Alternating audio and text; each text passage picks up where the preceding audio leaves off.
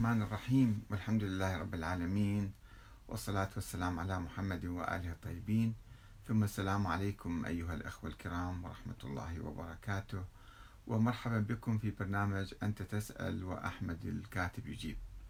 وأيضا برنامج أنت تعترض وأحمد الكاتب يوضح.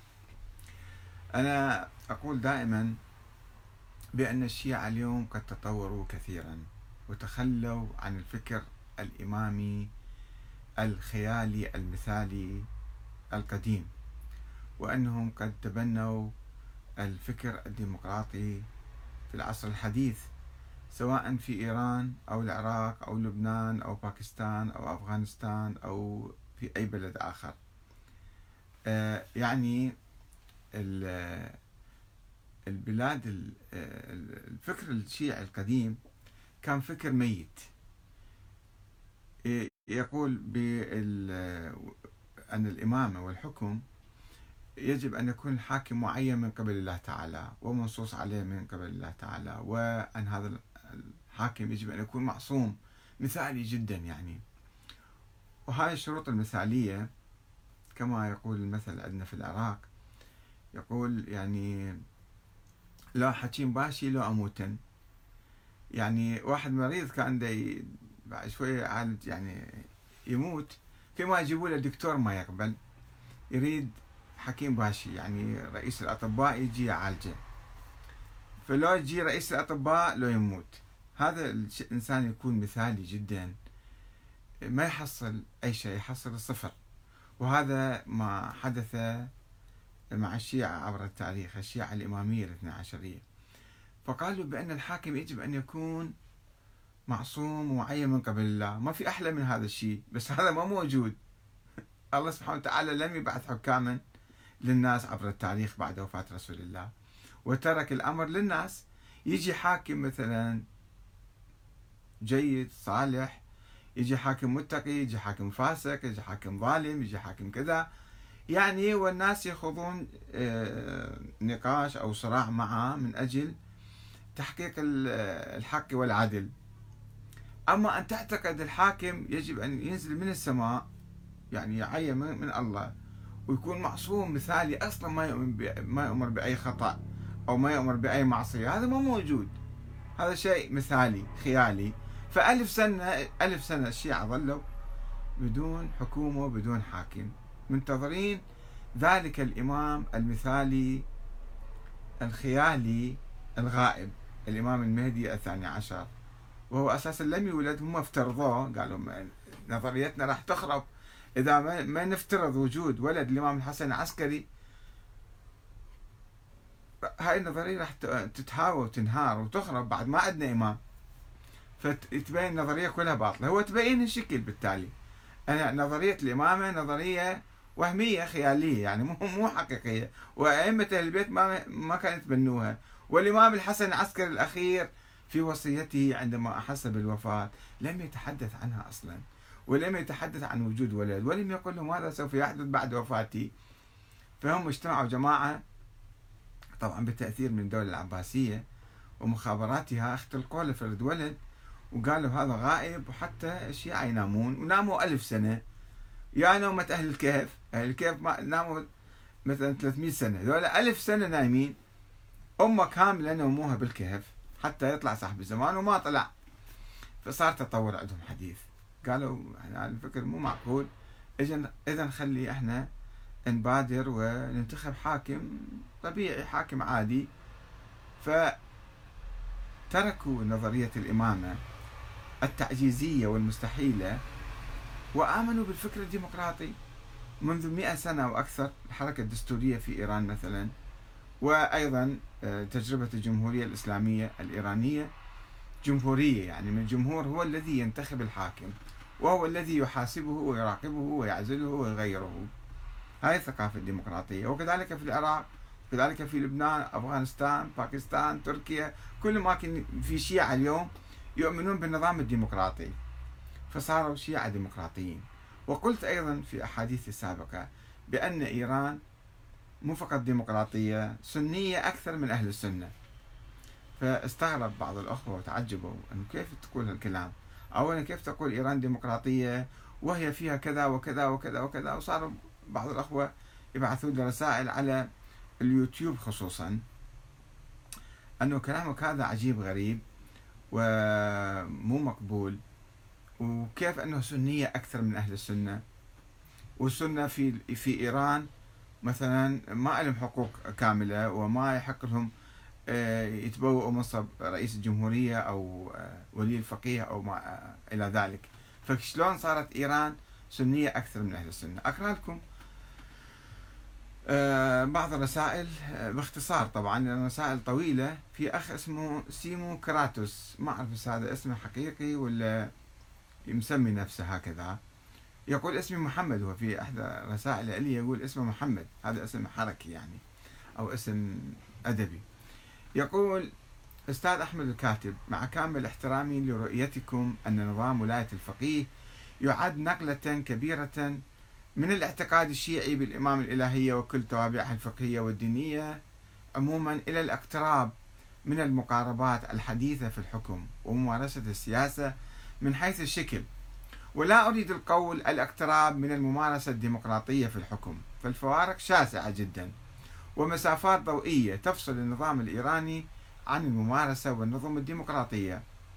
إلا أنك بهذا القول تخفي الحقيقة الفعلية والجوهرية للنظام الإيراني ونظرية ولاية الفقيه من حيث أنها ليست إلا حيلة فكرية لتسويق النظام الثيوقراطي بشكل حداثي أو يبدو حداثيا.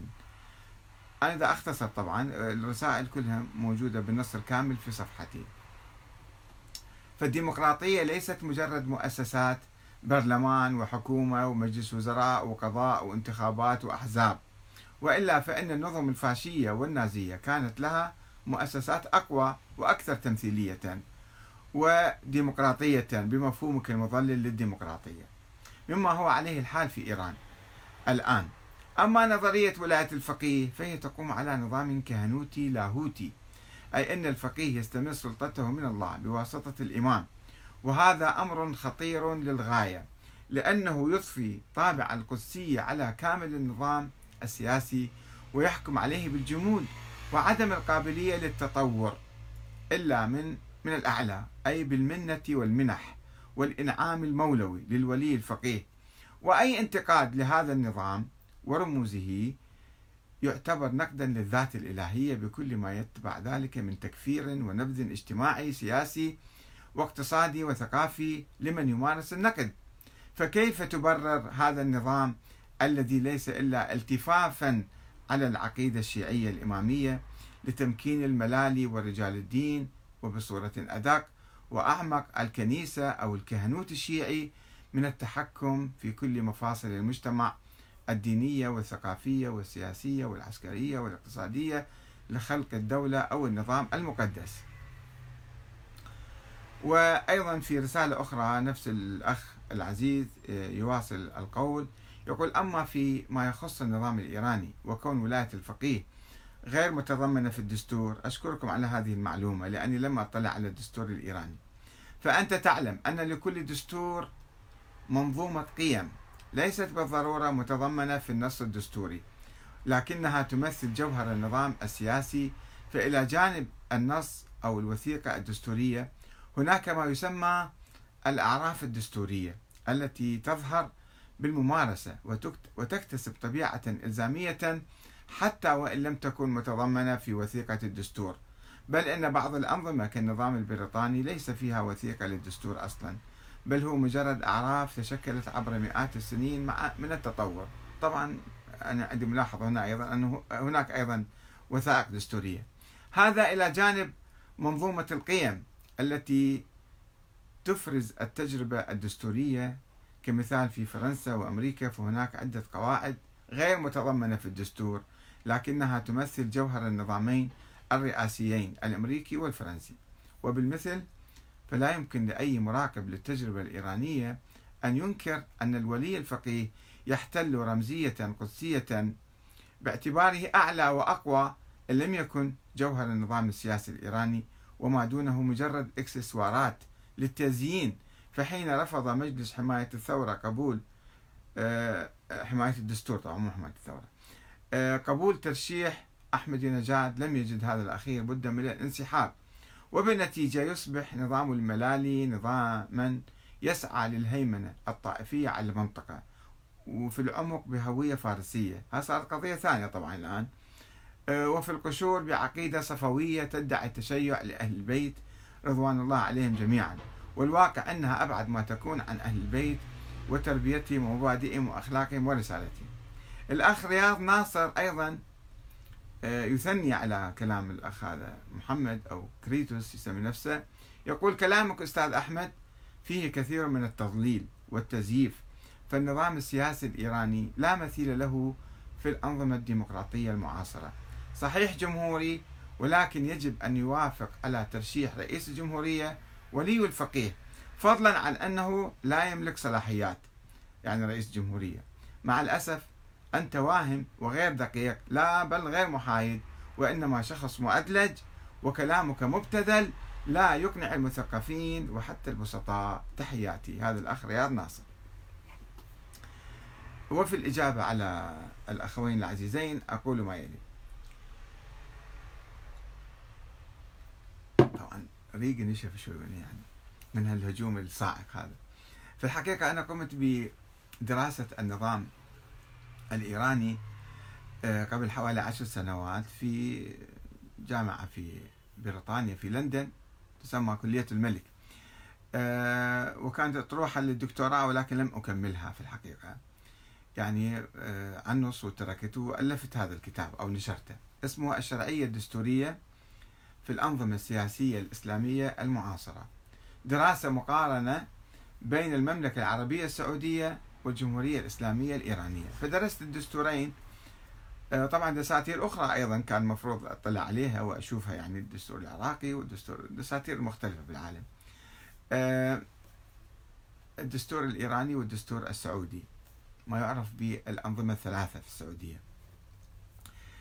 آه، وكان السؤال بالحقيقة من المشرفة على الأطروحة هذه الدكتورة مضاوي رشيد كانت هي اقترحت هذا الكتاب أو هذه الفكرة أنه لماذا أنه في السعودية آه، النظام وراثي واستبدادي مطلق وما في شورى رغم أنه يدعي الانتماء لأهل السنة.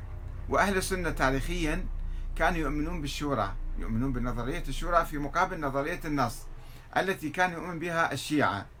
ولماذا الشيعة اليوم عندهم أنظمة جمهورية ديمقراطية مثلا؟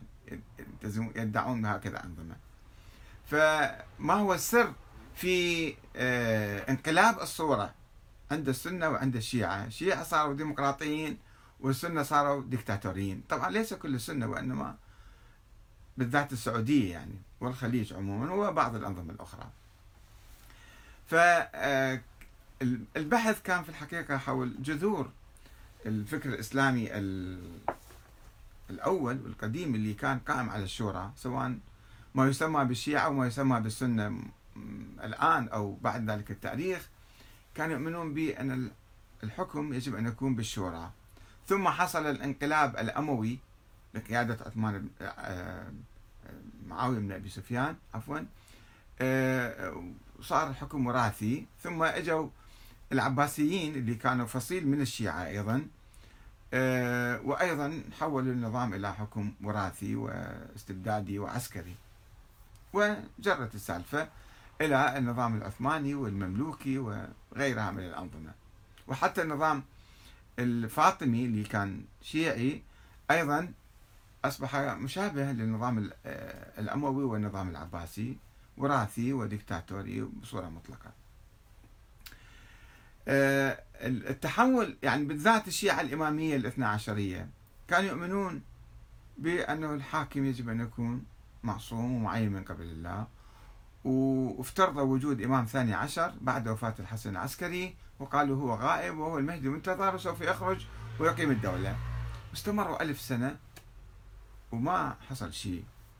طبعا المجتمعات مو دائما تتبع حرفيا الأفكار. ربما فصائل بالمجتمع أو جماعات بأي مجتمع. مثل الآن نقول إحنا آه، السنة يتبعون النظام الدكتاتوري أو النظام مثلا طاعة الحاكم بصورة حتى لو كان ظالم أو فاسق أو فاجر. ولكن ليس كل أهل السنة. يمكن مجموعات بعض المشايخ